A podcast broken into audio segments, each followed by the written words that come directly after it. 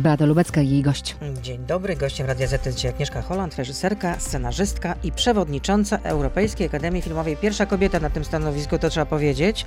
E, Prosto z Francji. Dzień dobry, bonjour. Y, Bonjour madame. Dzień dobry, dzień Ej, dobry państwu. Prosto z Brytanii, o ile mnie pamięć nie myli, tak? Tak jest.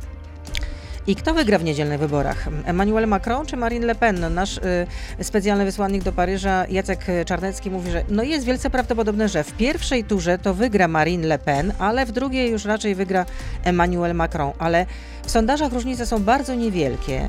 Y, właściwie był też sondaż dla Le Figaro. 1% różnicy. No to właściwie można powiedzieć, że to jest błąd statystyczny. Co się takiego stało, że Francuzi są skłonni zagłosować na Marine Le Pen, czyli na kandydatkę proputinowską i eurosceptyczną mocno? Ym, Były zrobione takie badania, które pokazują, co jest najważniejsze dla Francuzów w tym momencie. Y, I wojna. Francuzi są proukraińscy i są za pomocą, dla pomocą dla uchodźców i tak dalej, ale to, co ich niepokoi w tej chwili najbardziej, to poczucie bezpieczeństwa i y, portfele, to znaczy tak zwane pouvoir d'achat, możliwość kupienia za swoją pensję określonej ilości rzeczy. No i ym, y, widmo kryzysu, z którego zresztą Francja nie do końca się wydostała i ym, y, po, po tym, jak y, sytuacja gospodarcza zaczęła się poprawiać y, przez kilku laty, chociaż nie dla wszystkich, co spowodowało bunt y, żółtych kamizelek. Potem przyszła pandemia, y, no a w tej chwili y, y, wojna i sankcje mogą spowodować y, y, perturbacje, jeśli chodzi o cenę energii itd. itd. No i generalnie rzecz biorąc, Francuzi nie są zadowoleni ze swoich władz już od y, wielu, wielu, wielu lat i praktycznie żaden prezydent już od kilku kadencji nie, nie wygrał ponownie.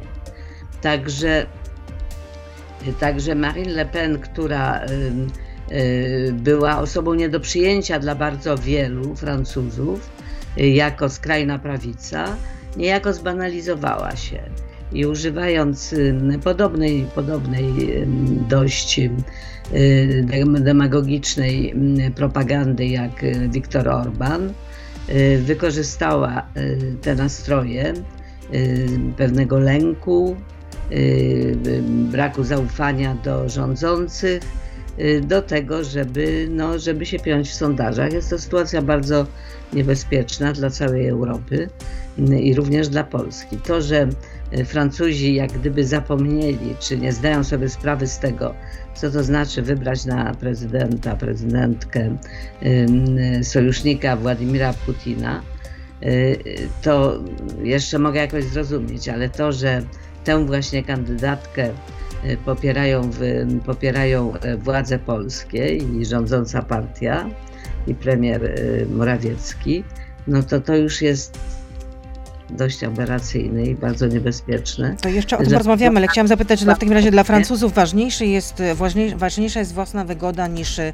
to, co się dzieje w Ukrainie. Ja wiem, że Ukraina to jest dość daleko od Francji, zdecydowanie daleko, że to jest kraj w Europie Środkowo-Wschodniej, ale, ale kraj u, suwerenny, który chciał sobie po prostu e, urządzać e, e, swoje państwo tak, jak może to zrobić kraj suwerenny i tam giną ludzie, tam mamy do czynienia z ludobójstwem. Ja powiedziałam, ja powiedziałam pani, niech pani mi tutaj nie mówi takich rzeczy. Ja powiedziałam pani, że wszystkie badania opinii publicznej we Francji pokazują, że znaczna większość Francuzów jest za Ukrainą.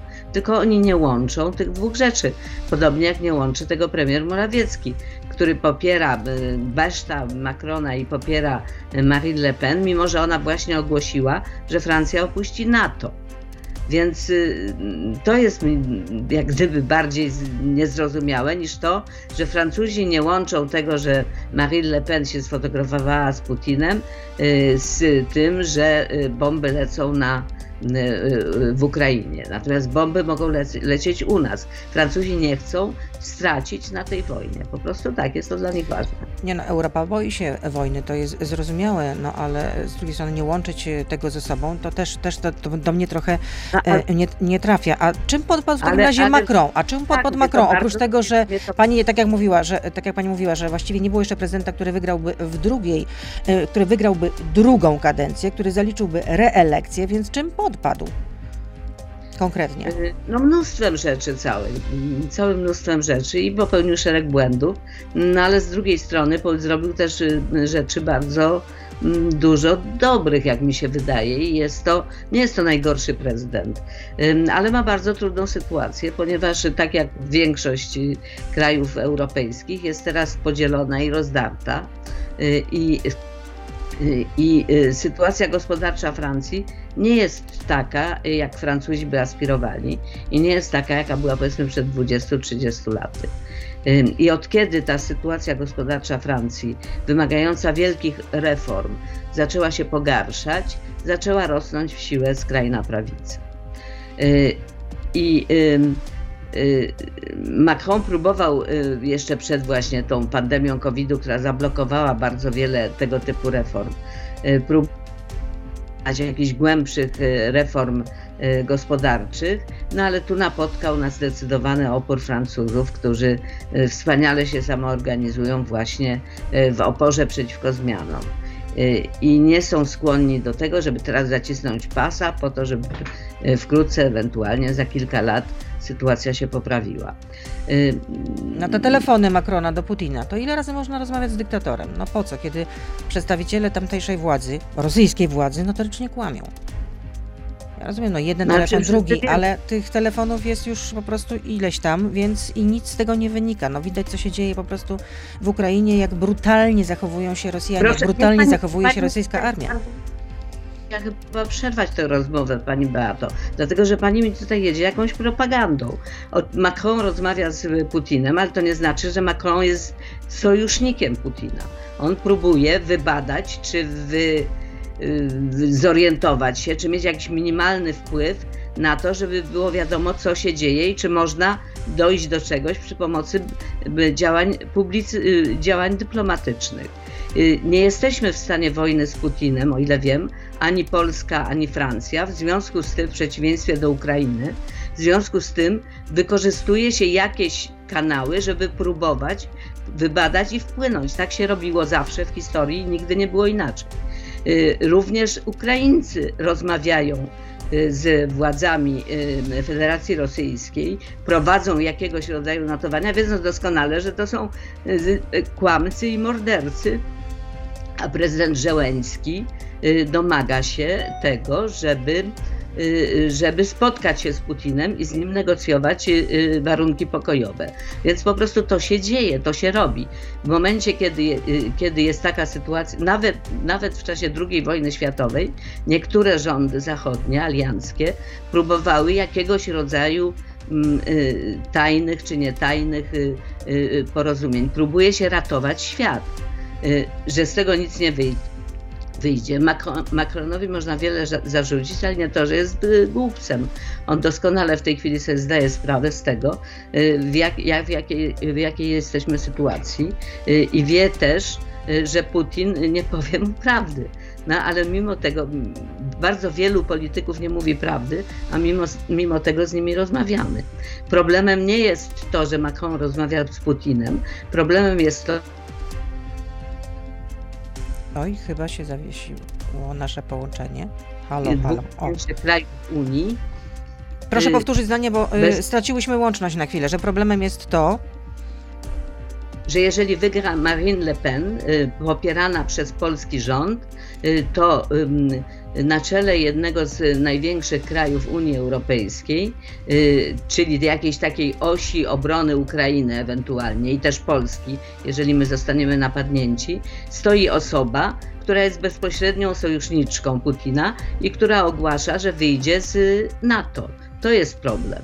Razie nie chcę y, wychodzić z Unii tak, Europejskiej. Tak. Nie to, żeby je broniła, absolutnie nie jestem jak najdalsza od tego. Czyli y, podsumowując tę część radiową, y, Pani zdaniem to jest realne zagrożenie, niebezpieczeństwo, że Marine Le Pen może wygrać w drugiej turze z Emmanuelem Macron? No przecież mówią to sondaże, ja nie wiem przecież tego. Natomiast jeżeli różnica jest tylko 2%. No tak, ale są y, jeszcze a- inni kandydaci. No jest ten Meleszon na przykład. Więc y, mówimy o pierwszej turze. No więc tak. rozumiem, że, że część głosów mogłoby jednak y, przejść y, na. Ma, tych Francuzi mogliby zagłosować na Macrona, ci, którzy teraz będą głosować na innych kandydatów. No tak, jest niebezpieczeństwem jest absencja. Francuzi stracili jakby wiarę w sensowność angażowania politycznego i absencja zapowiada się wyjątkowo y, wysoka. Pytanie jest, y, kto właśnie się wstrzyma i dla kogo co jest ważne. Y, Mnie natomiast, no, mnie to bardzo niepokoi, dlatego że jeżeli tak się stanie, to rzeczywiście, czego życzy sobie pre, y, premier Kaczyński, pre, y, prezes Kaczyński i, i pan Morawiecki i Viktor Orban, to wtedy rzeczywiście putinowska Europa zyska niebywałego zupełnie zwolennika i NATO straci jednego z najważniejszych członków. I tutaj stawiamy pauzę. Agnieszka Holland oczywiście z nami zostaje. Jesteśmy na Facebooku, na Radio ZPL, na YouTube, więc proszę zostać z nami. Beata Lubecka, zapraszam. No, w tej kampanii jest też wątek polski, bo prezydent e, Macron e, zarzucił e, premierowi Morawieckiemu, że wspierany przez skrajnie prawicową partię dokonuje ingerencji we francuską kampanię wyborczą.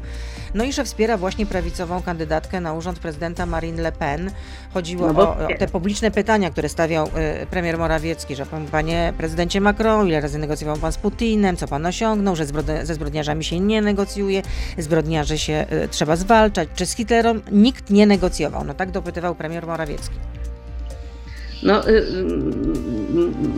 y, powiedziałabym, że te pytania są rzeczywiście głęboko niewłaściwe w momencie, kiedy y, premier Morawiecki jest najbliższym sojusznikiem Wiktora Urbana, który pochwala Władimira Putina i który mówi, że jego wrogiem jest y, prezydent y, y, Ukrainy Wołodomir Żeleński. Dlaczego premier Morawiecki nie pyta o to Wiktora Orbana, swojego sojusznika, tylko pyta pre, prezydenta Macrona, który nie, nie udowodnił w niczym, że popiera Władimira Putina. Jedyne co robi, to stara się wynegocjować czy też zorientować się, jakie mogłyby być warunki pokoju w momencie, kiedy na y, Ukrainę padają bomby i są tam mordowani ludzie.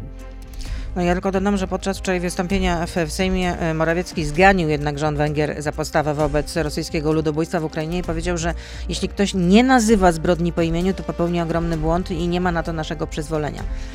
To tak. To jest to bardzo, bardzo, y, bardzo powiedziałabym delikatne zganienie kogoś, kto powiedział, że jego y, wrogiem jest prezydent y, walczącej Ukrainy.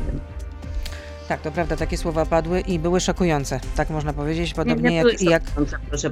Nie były szokujące, ponieważ taka jest polityka Wiktora Orbana od dawna. A jeśli chodzi o innych zwolenników Putina, to jeszcze niedawno, już po tym jak y, Amerykanie powiadomili nasz rząd o tym, że szykuje się agresja na Ukrainę, y, y, premier y, Morawiecki zakładał z Marine Le Pen, Orbanem i Salvinim y, proputinowską y, międzynarodówkę, więc y, naprawdę patrzmy tutaj na całość obrazu, a nie na retorykę, w której y, rzeczywiście mm, premier Morawiecki jest y, bardzo mocny. Buńczuczność i, i, i, i takie werbalne y, y, antyputinowskie y, wyskoki są rzeczywiście bardzo, bardzo mocne. Natomiast w rzeczywistości nie tylko paktuje się, ale zawiera się pakty z, ze zwolennikami Putina w Europie. A w latach 30. ubiegłego roku, ubiegłego wieku, przepraszam bardzo, Ukraińcy doświadczyli zbrodni ludobójstwa. Yy, Wielki głód, yy, która który pokazała Pani zresztą w swoim yy, filmie Obywatel yy, Jones. Czy dzisiaj yy, Putin stawia sobie takie same cele jak wtedy Stalin i dąży do tego prowadząc bardzo brutalną wojnę w Ukrainie? Tak, moim zdaniem stawia sobie podobne cele, z tym, że w przeciwieństwie do Stalina mówi to otwartym tekstem. Czyli trzeba zniszczyć dlatego, Ukraińców, że- trzeba zniszczyć Ukrainę, tak? że to jest sztuczny byt i że to powinna być Rosja. Jeszcze do tego wymyślili jakąś taką absurdalną i straszliwą ideologię, która, która teraz tam wszystkimi kanałami płynie, że mm, Y, Ukraińcy to, to jest społeczeństwo znazyfikowane, że im się wydawało, że to tylko władze ukraińskie to banderowcy i naziści, ale teraz widzą, że właściwie ta gangrena ogarnęła cały naród y, i że trzeba zniszczyć de facto cały naród, a kogo się nie zniszczy, tego zreedukować. No są to straszne teksty, bo to jest y, eksplicyte pisane przez ideologów kremlowskich albo mówione w rosyjskiej telewizji. Y, I jeżeli przeczytamy to i wsłuchamy się w to, to zobaczymy, że jest to swoisty Mein Kampf y, i że te wszystkie pogróżki, które z siebie wydaje Putin, nie są jakimś takim właśnie negocjacyjną, negocjacyjnym pokerem, ale są rzeczywistą propagandową, znaczy u, u, ugruntowaną propagandowo rzeczywistym programem i planem. A czy sądzi Pani, że te ideolodzy no, z Putinem na czele, czy oni w to rzeczywiście wierzą, jeśli mówią o tej denazyfikacji, o konieczności denazyfikacji i demilitaryzacji Ukrainy, oni w to wierzą, czy po prostu to jest taka propaganda na użytek Rosjan? I nie tylko Rosjan. Nie wiem, może niektórzy w to wierzą, inni, inni cynicznie tego używają. Jest bardzo trudno, jest bardzo trudno powiedzieć, do jakiego stopnia e, ktoś, kto tworzy jakąś fikcyjną, ideologiczną y, y, strukturę, y, zaczyna sam wierzyć w to, co wymyślił. To się w historii zdarzało i na ogół ludzie potrzebują tego typu tego typu y, usprawiedliwień, y, umocowań ideologicznych, żeby usprawiedliwić sami przed sobą zbrodnie, które, których dokonują. Ale to już jest psychologia, to nie jest ważne, czy wierzą, czy nie. Gorzej jest, że wierzą w to miliony Rosjan. Y, którym się pierze mózgi już y, y, od bardzo dawna i których zresztą potworny kompleks wyższości i niższości jednocześnie czyni podatnymi na tego typu propagandę, bo dla nich jest to rekompensata, rekompensata za tą nędzę, w której żyją. Widzieliśmy wszystko, co, wszyscy, co się wydarzyło w, w Buczy, chociaż są też tacy, którzy podważają i zarzucają Ukraińcom, że to jest jakaś inscenizacja z jej strony, w głowie się nie mieści, że w ogóle można wpaść na taki pomysł. E, ale dlaczego rosyjscy żołnierze są tak bestialscy? No dlatego, że żołnierze, jeżeli dostają przyzwolenie do tego, żeby mordować, jeżeli dostają ideologiczne uzasadnienie takiego działania, to to robią. Zawsze to robili. Być może mm, są pewne szczególne inklinacje w niektórych y, kulturach, na przykład w kulturze właśnie rosyjskiej, jeżeli można tak powiedzieć, y, czy bałkańskiej, jednym z ważnych elementów takiego bestialstwa są gwałty. W innych kulturach nie, ale okrucieństwo. Okrucieństwo niestety nie zostało wymyślone teraz. Jest to immanentna część składowa naszej natury i tych wojen, które wydają się już w tej chwili nieuniknione. Mieliśmy taką nadzieję, że szczepionka II wojny światowej, Holokaustu, że wyleczyła ludzkość, przynajmniej w tych rejonach świata, y, z takich potrzeb i z takich pokus, ale okazuje się, że nie i że te skrwawione ziemie, jak nazwał nasz region y, cały od, od, od, y, od Odry po, po, po, po Moskwę, Timothy Snyder, że te skrwawione ziemie znowu spływają krwią. No to jakie jest wyjście z sytuacji? Jak powstrzymać Putina? Czy to jest w ogóle możliwe bez y, konfrontacji z Putinem? Bez konfrontacji z NATO? By, być może nie jest to możliwe bez konfrontacji. No są takie głosy właśnie. Y, no chociażby y, były szef Paktu Północnoatlantyckiego Rasmussen mówił o tym, że no, NATO jest skazane na konfrontację z Rosją. Pytanie, czy teraz, czy, czy później? Tak, no więc właśnie mm, próbuje się jakby w to wpisuje się również, wpisują się te rozmowy e, różnych polityków zachodnich z, z Putinem. Próbuje się jakoś znaleźć jakiś rodzaj kompromisu, e, który mógłby mm, wstrzymać e, działania wojenne i, i, i cierpienie ludności. E, ale wielu uważa, i ja się do nich zaliczam, że jeżeli nawet dojdzie się do takiego porozumienia, to ono będzie chwilowe, że to pozwoli Putinowi odbudować to, co, co, co stracił, jeśli chodzi o militarną siłę, wyciągnąć wnioski z klęsk tej kampanii, bo trzeba powiedzieć, że Rosjanie dzięki dzielności Ukraińców i ich zdeterminowaniu, ale również sprzętowi militarnemu, które Zachód posyła, ponieśli szereg bolesnych klęsk.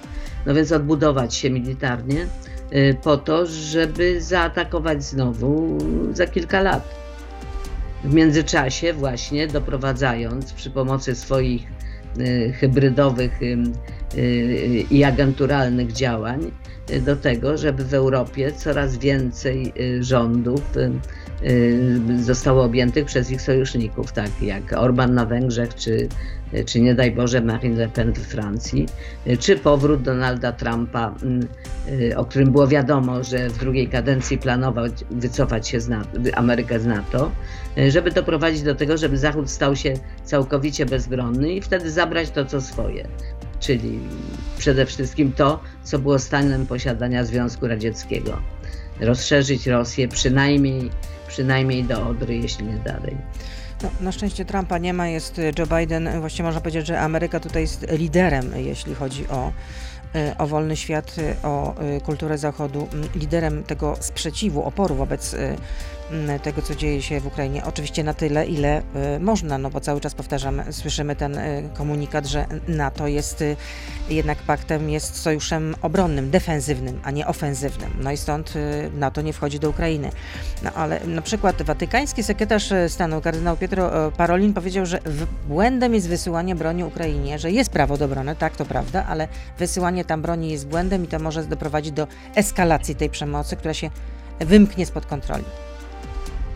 No, Watykan zawsze był bardzo zachowawczy i niezbyt, powiedziałbym, zdecydowany w stosunku do różnych tyranów czy, czy agresorów. Przypomnijmy sobie postawę Watykanu w czasie II wojny światowej i takie bardzo kompromisowe stosunki z Adolfem Hitlerem. Także nie jest to, nie jest to jakąś nowinką i nie powinno zaskakiwać. Taka jest kultura polityczna y, Watykanu już od stuleci. Ale wielu wiernych jest rozczarowanych y, taką, taką ja. postawą Watykanu. No ja się nie dziwię. Wielu wiernych powinno być rozczarowanych wieloma postawami y, Watykanu, nie tylko tym, nie tylko tą. Ale tak, to jest to rozczarowanie szczególnie tych, którzy uważali, że papież Franciszek jest takim papieżem zmiany. No więc okazało się, że jest papieżem kontynuacji. Szefowa Komisji Europejskiej Ursula von der Leyen się jedzie do, do, do Kijowa na spotkanie z prezydentem e, Zełęńskim. Nie tylko zresztą on, ale również szef unijnej dyplomacji. To jest akt odwagi, Pani zdaniem? No, czysto fizycznie tak, no bo jest to niepewna sytuacja, chociaż w Kijowie i wokół Kijowa jest w tej chwili spokojnie. Y, ale przede wszystkim jest to no, jakiś taki z jednej strony, myślę, symbol wsparcia bezpośredniego i takiego, no podobnie jak wizyta trzech premierów, jednego wicepremiera jakiś czas temu miał to symboliczne znaczenie. No a poza tym Y, jest to możliwość odbycia bezpośredniej rozmowy, co jest szalenie ważne, wydaje mi się, w tej sytuacji, y, między szefową, szefową Komisji Unii Europejskiej, czyli najwyższą przedstawicielką władz unijnych, a y, prezydentem Żyłęskim. Myślę, że myślę, że to może, może mieć jakieś realne skutki, a nie tylko symboliczne.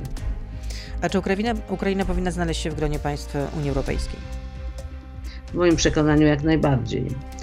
W moim przekonaniu jak najbardziej. Niestety to jest silny opór niektórych krajów Unii, za który zresztą częściowo jesteśmy odpowiedzialni. Po tym, co, jak zachowuje się i jak traktuje Unię oraz praworządność Polska i Węgry, wielu polityków na zachodzie Europy uważają, że to jest właściwie koń trojański i że nie ma co przyjmować krajów ze wschodu Europy, ponieważ Y, nie można na nich liczyć. Nigdy nie wiadomo, co im odbije i, i, i, i kim się nagle staną. A czy, y, jeśli chodzi o kulturę rosyjską, czy powinien być bojkot w przestrzeni publicznej, Pani zdaniem, kultury rosyjskiej? Czy nie powinno się wystawiać rosyjskich sztuk, przedstawień, nie powinno się zapraszać baletu rosyjskiego, nie powinno się promować rosyjskiej kultury, nie powinno się w filharmoniach wykonywać dzieł Czajkowskiego, Prokofiewa? Ja myślę, że mm, tutaj jest kilka poziomów.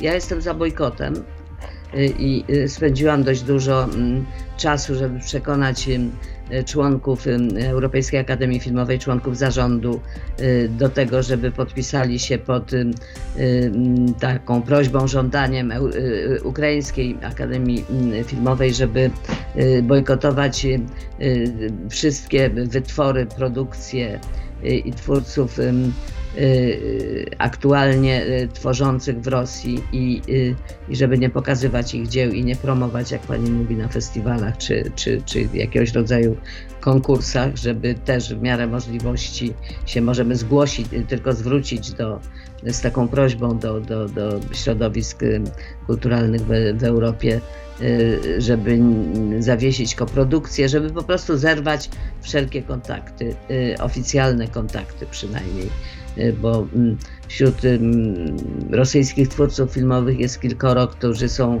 y, bardzo antyputinowscy i są też to ludzie odważni i, y, i, i poprzez swoje dzieła i poprzez swoje działania, tacy jak Aleksander Sokurow czy Kirill Serebriennikow, Y, no więc. Y, no, ale jest, są jest... na przykład też Nikita Michałkow, Michałkow który no, jednak tak. wspiera Putina na przykład. No. Nikita, Michałkow, Nikita Michałkow jest y, putinowską anucą już od bardzo dawna, wielkorusem i nacjonalistą. Ale ja mówię o tych, którzy są odwrotnością Nikity Michałkowa i jego nieprzyjaciółmi, więc mówię, że ja na przykład nie zrywam z nimi stosunków osobistych jest, jest, są, to, są to ludzie, których y, i twórczość, i, i, i zachowanie cenię. Tym niemniej oficjalny bojkot powinien być w moim przekonaniu całkowity, ale w moim przekonaniu. Ale udało się Pani przekonać y, właśnie członków Europejskiej Akademii Filmowej? Udało mi się przekonać zarząd i żeśmy podjęli taką decyzję. Natomiast wszystkich członków, no to chyba się nie uda przekonać, bo tutaj są bardzo podzielone, e, bardzo podzielone opinie i uważa się, że przeciwnie właśnie, że kultura jest takim mostem nawet w najgorszych czasach i że nie jej powinien dotyczyć bojkot. Tylko, że bojkot powinien dotyczyć tych właśnie twórców czy dzieł, które, które y, reprezentują tą y, obecną rosyjską e, politykę i ideologię. Natomiast uważam, że taka culture cancel, zanegowanie całkowite i wyrzucenie z, z dziedzictwa kultury y, światowej wielkich dzieł rosyjskiej kultury, nie, tutaj się wzdragam przed tym, bo Y, nie ma to racjonalnego ani takiego skutecznościowego wytłumaczenia i może doprowadzić po prostu do nakręcenia spirali takiego ślepego nacjonalizmu, co byłoby naprawdę wielkim zwycięstwem Putina. A czy Hollywood nie zawiodło w sprawie y, Ukrainy? No bo na gali Oscarowej to właściwie gwiazdy przeważnie milczały na ten temat. No nie padło ani razu słowa Rosja. No, był tam taki, można powiedzieć, oddzielny segment y, i wstęp wygłosiła Mila Kunis, która jest Ukrainką z pochodzenia. Mm, no, prowadząca Amy Schumer też tam wspomniała o ludobójstwie na Ukrainie, ale generalnie było dość oszczędnie, powiedziałabym, jeśli chodzi o tym. O to, y, nie było takiego mocnego wsparcia, takiego mocnego głosu Hollywood y, tej y, śmietanki towarzyskiej dla tego, co się dzieje w Ukrainie. Moim zdaniem to było oburzające, tak. Uważam, że to było nie tylko niewystarczające, ale wręcz haniebne, szczególnie w kontekście tego, co się tam mówiło o innych rzeczach. Y, no niestety, gala Oscarowa już od dłuższego czasu ma spadającą oglądalność. Ameryka jest krajem bardzo y, podzielonym, spolaryzowanym, podobnie jak Polska czy y, Wielka Brytania po Brexicie czy w trakcie Brexitu. Ma w tym swój duży udział również taka agenturalna działalność Putina, chociaż nie, nie odpowiada ona oczywiście za wszystko, padała na podatny grunt.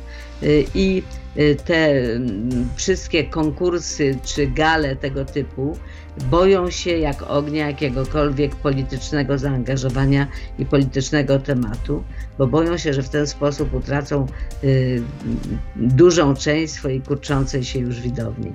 Także to jest business as usual i nie znalazł się tam nikt odważny wśród że wśród y, prowadzących, co jest zaprogramowane, to rozumiem, ale że wśród przemawiających y, y, laureatów, którym nikt nie cenzuruje przemówień, którzy mogą powiedzieć, co chcą. Wszystko. Nikt nie miał takiego pomysłu. To dla mnie to zdyskredytowało i, i akademię, i, i, i tę uroczystość. I mm, zastanawiałabym się, czy następnym razem wziąć w tym udział.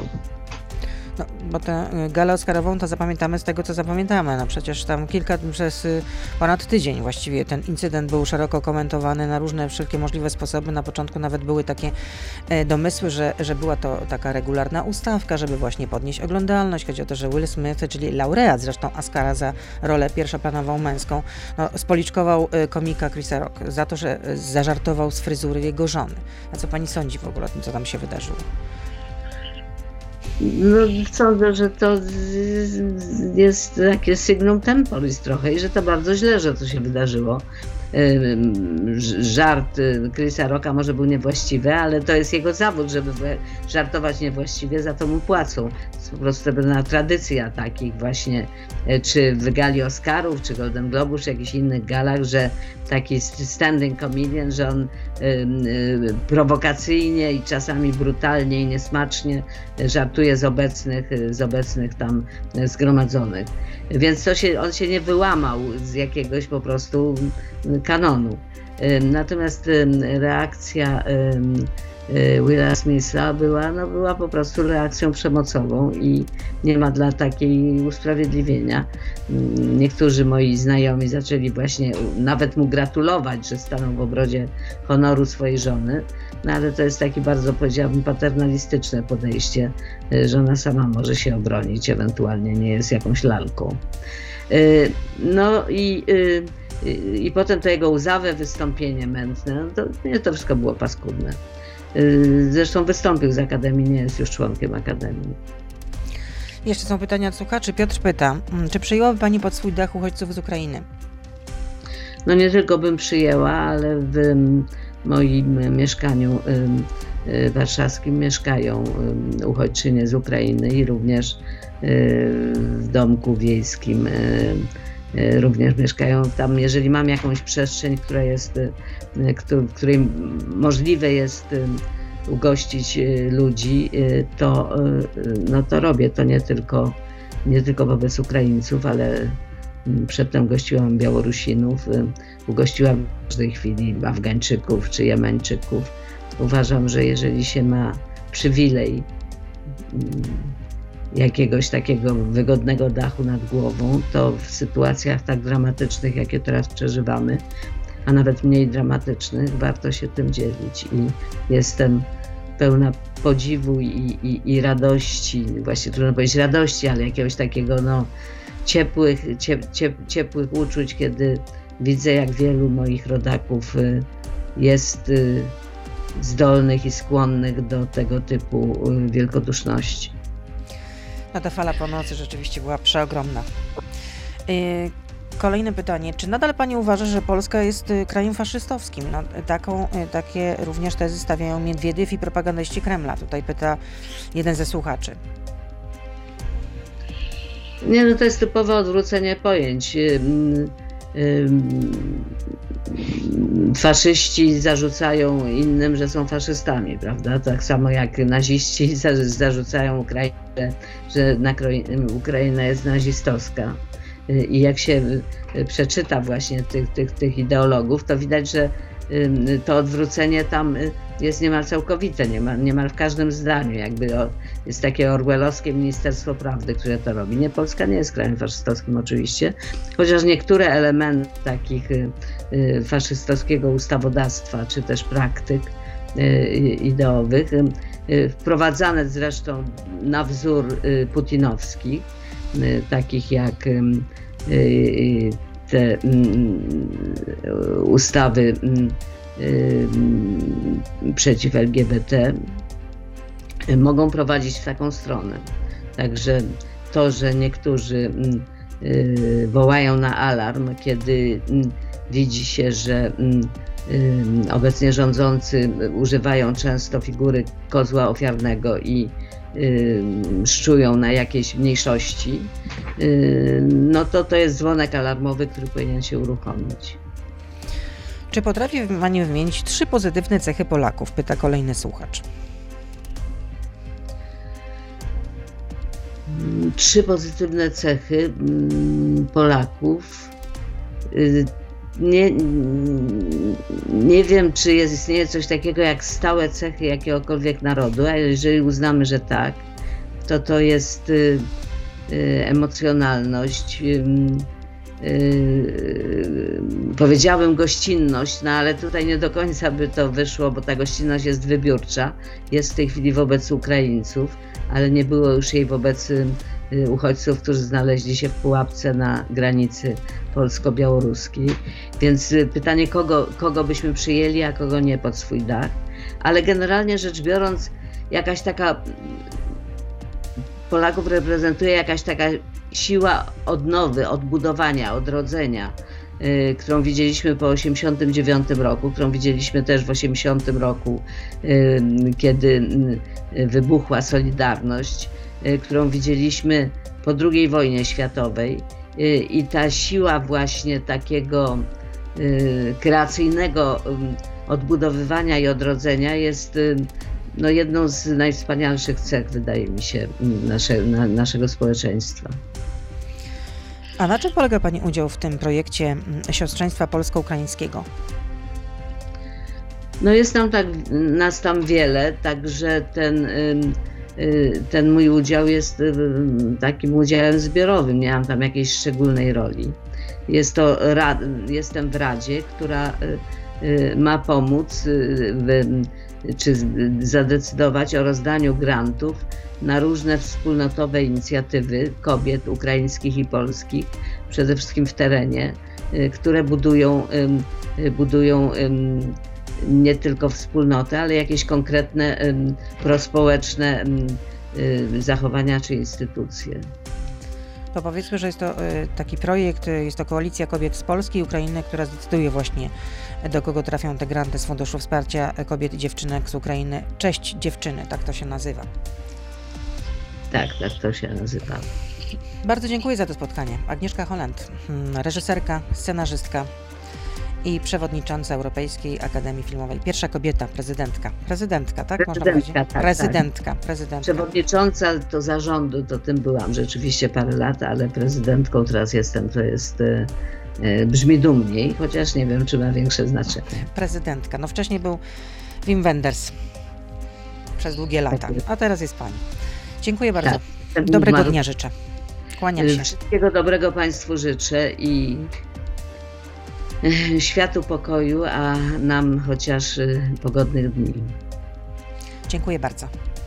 Dziękuję. To był gość Radia Z. Słuchaj codziennie w Radio Z i na player radioz.pl.